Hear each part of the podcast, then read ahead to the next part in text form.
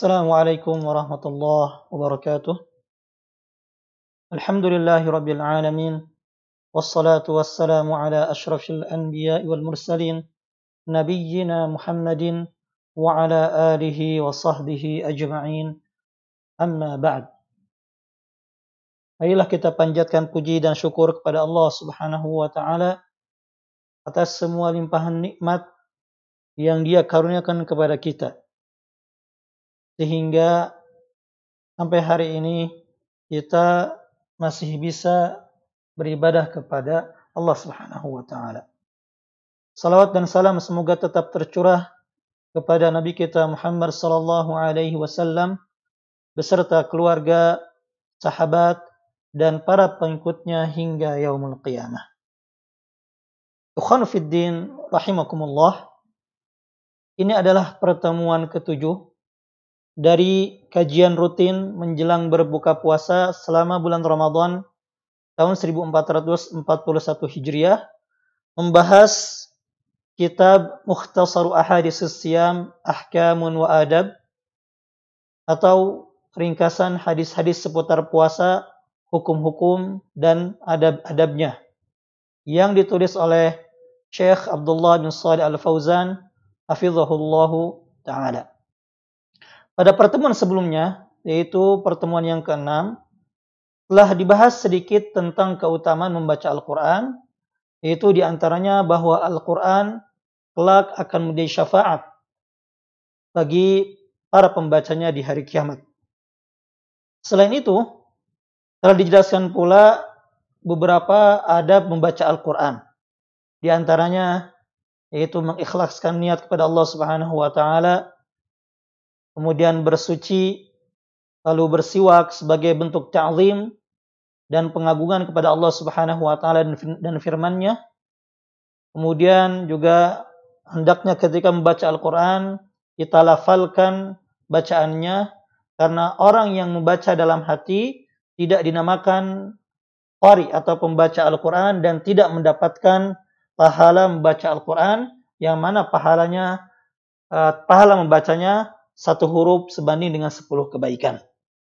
Selain itu juga seorang pembaca Al-Quran tidak hanya membaca saja, tapi juga harus mentadaburi dan merenungi ayat-ayat yang dibacanya. Kemudian di antara ada membaca Al-Quran juga adalah uh, sujud tilawah ketika membaca ayat-ayat sajdah. Kemudian di antara adab membaca Al-Quran juga tidak mengeraskan suara bacaan sehingga bisa mengganggu orang-orang yang ada di sekitar kita khususnya ketika uh, orang lain sedang salat. Dan uh, buku yang kami anjurkan untuk dibaca mengenai adab membaca Al-Quran adalah uh, buku yang ditulis oleh Eh, Imam Nawawi rahimahullah taala yang berjudul At-Tibyan fi Adabi Hamalatil Quran. Nah, ini buku ini khusus membahas tentang adab-adab uh, membaca Al-Quran. Khonfiddin azanallahu ayyakum. Diturunkannya Al-Quran tidak hanya untuk dibaca dan ditadaburi saja. Tapi lebih dari itu, Al-Quran harus diamalkan dan diaplikasikan dalam kehidupan kita sehari-hari. Dan insya Allah pada kajian kali ini kita akan membahas hadis yang ketujuh, yaitu yang berjudul tentang uh, tentang kewajiban mengamalkan Al-Quran. Al-Hadis Sabi' fi wujubil amali bil Quran. Hadis yang ketujuh yaitu tentang kewajiban mengamalkan Al-Quran. An Abi Musa al-Ash'ari radhiyallahu anhu qal, dari Abu Musa al-Ash'ari radhiyallahu anhu, ia berkata, Qala Rasulullah sallallahu alaihi wasallam, Rasulullah sallallahu alaihi wasallam bersabda, Al-Qur'anu hujjatun laka au alaik. Al-hadis rawahu Muslim. Artinya, Al-Quran itu bisa menjadi hujah bagimu atau pembela bagimu au alaik atau menjadi hujah atasmu atau menjadi menjadi musuh musuhmu atau menghujatmu. Hadis ini diriwayatkan oleh Muslim. Penulis menjelaskan al-hadith dalilun ala wujubil amali bil Qur'an wa taqayyud bi awamirihi wa nawahihi. Hadis ini merupakan dalil tentang wajibnya beramal dengan Al-Quran dan mematuhi seluruh perintah dan larangannya. Wa annahu hujjatun liman amila bihi wattaba'a ma fih. Al-Quran adalah hujjah atau pembela bagi orang yang mengamalkannya dan mengikuti kandungannya. Sebaliknya, wa hujjatun ala man lam ya'mal bihi wa lam yattabi' ma fihi. Dan sebaliknya, Al-Qur'an bisa menjadi hujjah atau musuh bagi orang yang tidak mengamalkannya dan tidak mengikuti isinya. Eh, kemudian penulis menukil perkataan sebagian salaf yang mengatakan qala ba'dus salaf. Bagian salaf berkata ma jalasa ahadun al-qur'ana faqama anhu saliman bal imma an yarbaha atau an yakhs an yakhsara. Tidaklah seseorang duduk bersama Al-Quran, kemudian ia berdiri dengan selamat yang akan dia dapatkan bisa keberuntungan atau kerugian. Kemudian salaf tersebut membaca firman Allah Subhanahu wa taala وَنُنَزِّلُ مِنَ الْقُرْآنِ مَا هُوَ شِفَاءٌ وَرَحْمَةٌ لِلْمُؤْمِنِينَ وَلَا يَزِيدُ الظَّالِمِينَ إِلَّا خَسَارًا Artinya, Dan kami turunkan dari Al-Quran sesuatu yang menjadi penawar dan rahmat bagi orang yang beriman. Sedangkan bagi orang yang zalim, Al-Quran hanya akan menambah kerugian.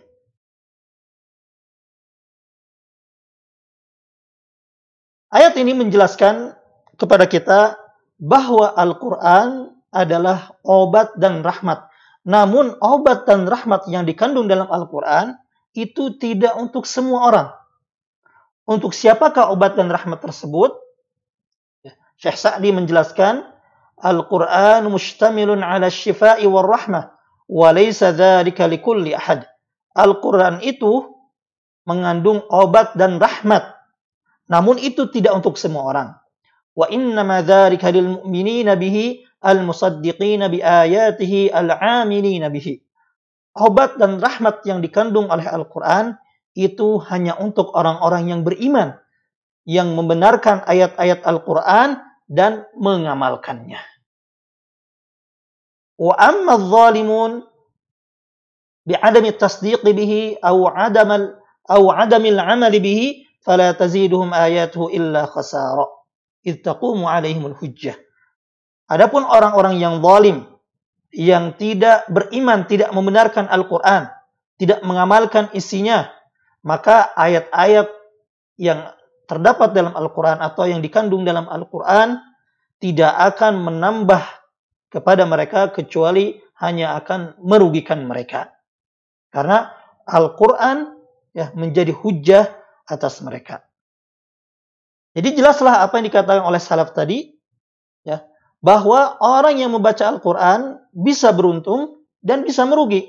Orang yang beruntung adalah mereka yang beriman kepadanya dan mengamalkannya dan inilah maksud dari hadis Nabi Shallallahu Alaihi hujjatun laka yaitu Al-Quran sebagai hujjah dan pembela bagimu. kemudian orang yang merugi ya dari Al-Quran itu adalah orang yang tidak beriman kepada Al-Quran dan tidak mengamalkannya. Dan inilah maksud hadis Nabi Shallallahu Alaihi Wasallam, hujjatun alaika. Al-Quran menjadi hujjah atasmu atau menjadi musuhmu. Kemudian selanjutnya penulis menjelaskan tentang tujuan terbesar diturunkannya Al-Quran. Innal ghayatal kubra min inzalil Quran tasdiq akhbarihi wal amal bihi bimtithali ma yu'maru bihi ma ya'muru bihi wajtinabi ma yanha ma yanha'an. Sesungguhnya tujuan terbesar dari diturunkannya Al-Quran adalah pertama agar manusia membenarkan kabar-kabarnya. Yang kedua, wal amala bihi, mengamalkan isinya, yaitu bimtithali ma yu'maru bihi wajtinabi ma yunha'an, yaitu dengan melaksanakan perintahnya dan menjauhi larangannya.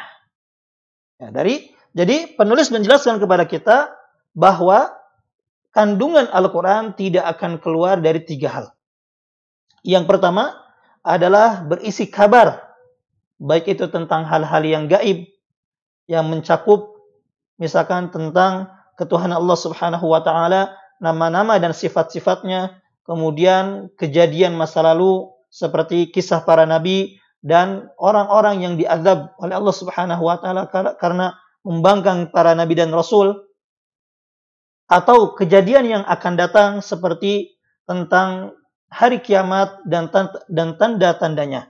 Nah, kandungan Al-Quran yang seperti ini harus kita benarkan dan harus kita yakini dan imani.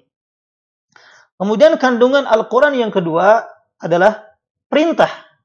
Maka jika ayat tersebut mengandung perintah seperti perintah beribadah kepada Allah Subhanahu wa taala, perintah melaksanakan salat, membayar zakat atau melaksanakan ibadah haji atau ibadah yang sedang kita jalani yaitu puasa di bulan Ramadan, maka perintah ini kita laksanakan. Kemudian kandungan yang ketiga yang ada dalam Al-Quran adalah berupa larangan. Maka contohnya seperti larangan berbuat syirik, menyekutukan Allah, larangan membunuh, ya, larangan mencuri, larangan berzina, larangan berbuat jahat kepada orang lain, kepada tetangga dan sebagainya, maka yang seperti ini kita jauhi. Jadi itulah tiga inti kandungan Al-Quran. Yaitu berupa kabar, harus kita imani, yakini, dan benarkan. Yang kedua berupa perintah, harus kita laksanakan. Dan yang ketiga berupa larangan, maka harus kita jauhi dan tinggalkan. Kemudian penulis menjelaskan bahwa Al-Quran diturunkan bukan hanya sekedar untuk dibaca saja dibaca secara lafadznya saja.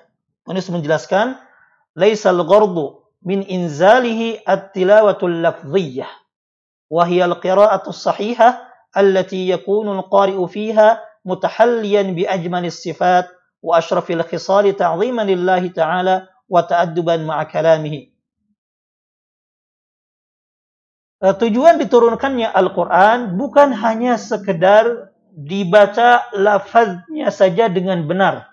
Yang mana seorang qari menghiasi dirinya dengan sifat-sifat yang indah eh, atau dengan budi pekerti yang mulia sebagai bentuk pengagungan kepada Allah Subhanahu wa taala dan adab terhadap firman Allah Subhanahu wa taala yaitu Al-Qur'an.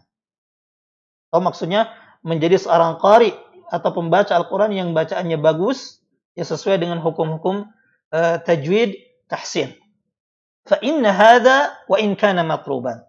Hal ini yaitu membaca Al-Qur'an dengan benar sesuai yang Allah turunkan, sesuai dengan hukum-hukum tajwidnya, meskipun hal itu adalah uh, tuntutan diharuskan kepada kita, akan tapi kata penulis lakin hunaka tilawatan hukmiyah 'alaiha madaru sa'adatil 'abdi wa falahihi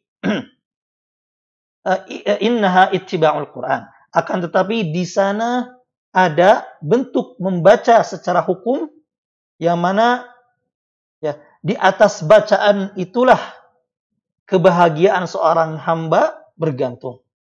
Apa yang dimaksud dengan membaca tersebut yaitu innaha ittiba'ul Quran, yaitu mengikuti Al-Qur'an, mengamalkan Al-Qur'an. Dan inilah yang dimaksud dengan uh, tilawatul Quran haqqa tilawatih. Membaca Al-Quran dengan sebenar-benarnya bacaan. Sebagaimana dijelaskan oleh uh, Syekhul Islam Ibn Taimiyah rahimahullah ta'ala. Sebagaimana dinukil oleh uh, penulis. Waqad dzakara Syekhul Islam uh, Ibn Taimiyah rahimahullah. Dan Syekhul Islam telah menjelaskan anna lafdhu tilawah idza utliqa fi mithli qawlihi ta'ala alladzina atainahumul kitaba yatlunahu haqqa tilawatih. Syekhul Islam telah menjelaskan bahwa kata tilawah jika disebutkan secara mutlak seperti firman Allah Subhanahu wa taala dalam Al-Qur'an surah Al-Baqarah ayat 121, "Alladzina atainahumul kitaba yatlunahu haqqa tilawatih." Orang-orang yang telah kami berikan Alkitab kepadanya, mereka membacanya dengan bacaan yang sebenarnya. Maka maksud dari tilawah di sini tidak hanya mencakup bacaan, namun mencakup juga mengamalkan Al-Quran. Tanawala al-amal bil Quran, mencakup amalan atau mengamalkan Al-Quran. Kama fassarahu bidzalika as-sahabah wat tabi'un. Sebagaimana penafsiran para sahabat dan tabi'in radhiyallahu taala anhum ajma'in. Jadi membaca Al-Qur'an atau yang disebut dengan tilawah tidak cukup hanya membaca saja, tapi harus juga mengikuti ajaran Al-Qur'an dan mengamalkannya. Dan hal ini ditegaskan dengan penjelasan Ibnu Mas'ud radhiyallahu taala anhu, salah satu uh, ahli tafsirnya para sahabat yang mana beliau menjelaskan Qala Ibnu Mas'ud radhiyallahu anhu Ibnu Mas'ud berkata, "Walladzi nafsi biyadihi biyadihi inna haqqa tilawatihi an yuhilla halalahu wa yuhirm wa yuharrima haramahu wa yaqra'ahu kama anzalahu Allah." ولا يحرف الكلم عن مواضعه ولا يتأول منه شيئا على غير تأويله Ibnu Mas'ud menjelaskan Demi zat yang jiwaku berada di tangannya, sesungguhnya membaca Al-Quran yang sebenarnya ialah menghalalkan apa yang dihalalkannya, mengharamkan apa yang diharamkannya, membacanya sebagaimana Allah menurunkannya, tidak merubah satu kata pun dari tempatnya dan tidak menakwilkan atau menafsirkan sedikit pun dari ayat-ayatnya dengan takwilan yang tidak benar. Jadi inilah hakikat dari tilawatul Quran. Tidak hanya membaca, tapi apa yang kita apa yang Al-Quran halalkan kita halalkan. Jika Al-Quran berkata makan ini halal, maka kita halalkan dan kita makan. Jika Al-Quran mengatakan makan ini haram, maka kita haramkan.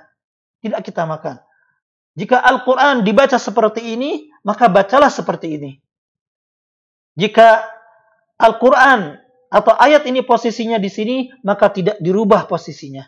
Dan jika makna atau tafsir dari ayat ini adalah begini, maka seperti itulah kita tafsirkan ayat tersebut. Tidak ditafsirkan dengan penafsiran yang tidak benar.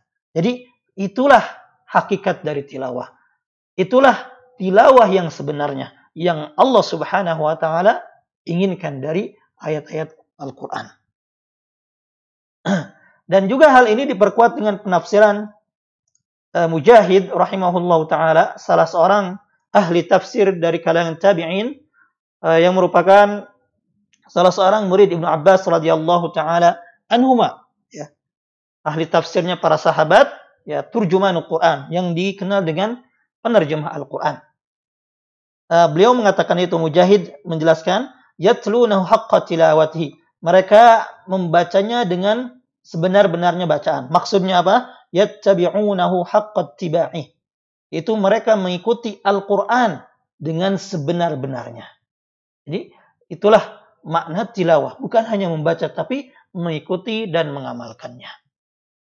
Wa ala hadza daraja salafus salih min hadhihi al-ummah dan di atas metode inilah, di atas jalan inilah para salafus soleh dari umat ini, para pendahulu umat ini yang soleh, ya, meniti jalan ini. Yaitu apa? Fata'allamul Quran wa amilu bihi fi kulli sya'nin min syu'uni hayati. Yaitu mereka mempelajari Al-Quran, juga mengamalkan isinya dalam seluruh aspek kehidupan mereka. Jadi itulah para salaf kita. Mereka tidak hanya membaca Al-Quran, tapi mereka juga mengamalkan dan mengikuti isinya. Hal itu sebagaimana dikisahkan oleh Abdullah bin Mas'ud radhiyallahu taala anhu yang mana beliau menceritakan kepada kita tentang bagaimana para sahabat membaca atau mempelajari Al-Quran. Beliau mengatakan, kana ar-rajulu minna idza ta'allama ashra ayat lam yujawizhunna hatta ya'rifa ma'aniyahunna wal 'amala bihinna.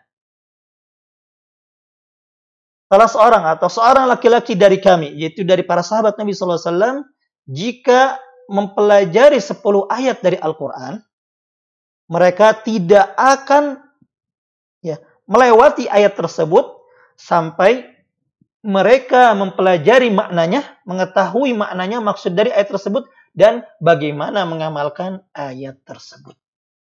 Nah, inilah para sahabat. Mereka tidak hanya mencukupkan bagaimana membaca Al-Quran yang baik. Membaca Al-Quran dengan benar bagi sebagaimana diturunkan. Tapi lebih dari itu, mereka mempelajari maknanya agar bisa difahami dan juga sekaligus mereka mempelajari bagaimana mengamalkan ayat-ayat yang mereka pelajari. Wa mithluhu qala Abu Abdurrahman As-Sulami wa huwa min kibar tabi'in rahimahullah rahimahullah taala. Dan hal yang senada atau ucapan yang seperti Ibnu Mas'ud tadi katakan itu juga diucapkan oleh Abu Abdurrahman As-Sulami yang merupakan salah seorang uh, pembesar tabi'in. Kemudian penulis mengingatkan kita ya, agar uh, ketika kita membaca Al-Quran jangan hanya sekedar membaca saja, tapi juga harus bertakwa kepada Allah Subhanahu wa taala, mengikhlaskan uh, bacaan kita karena Allah dan juga mengamalkannya serta tidak menyelisihi Al-Quran. Penulis menjelaskan, fa'ala qari'il Quran wa hamilihi an yattaqiyallaha fi nafsih. Seorang pembaca Al-Quran dan pengemban Al-Quran katakanlah seorang hafid Al-Quran atau qari Al-Quran, wajib an Allah fi nafsih. Wajib bertakwa kepada Allah Subhanahu wa taala dalam dirinya. Wa an yukhlisa fi qiraatihi dan mengikhlaskan niat membacanya hanya karena Allah. Wa ya'mala bihi dan juga mengamalkannya, mengamalkan Al-Quran. Wa an yahdhira min mukhalafatil Quran wal i'radi an ahkamihi wa adabihi. Ya.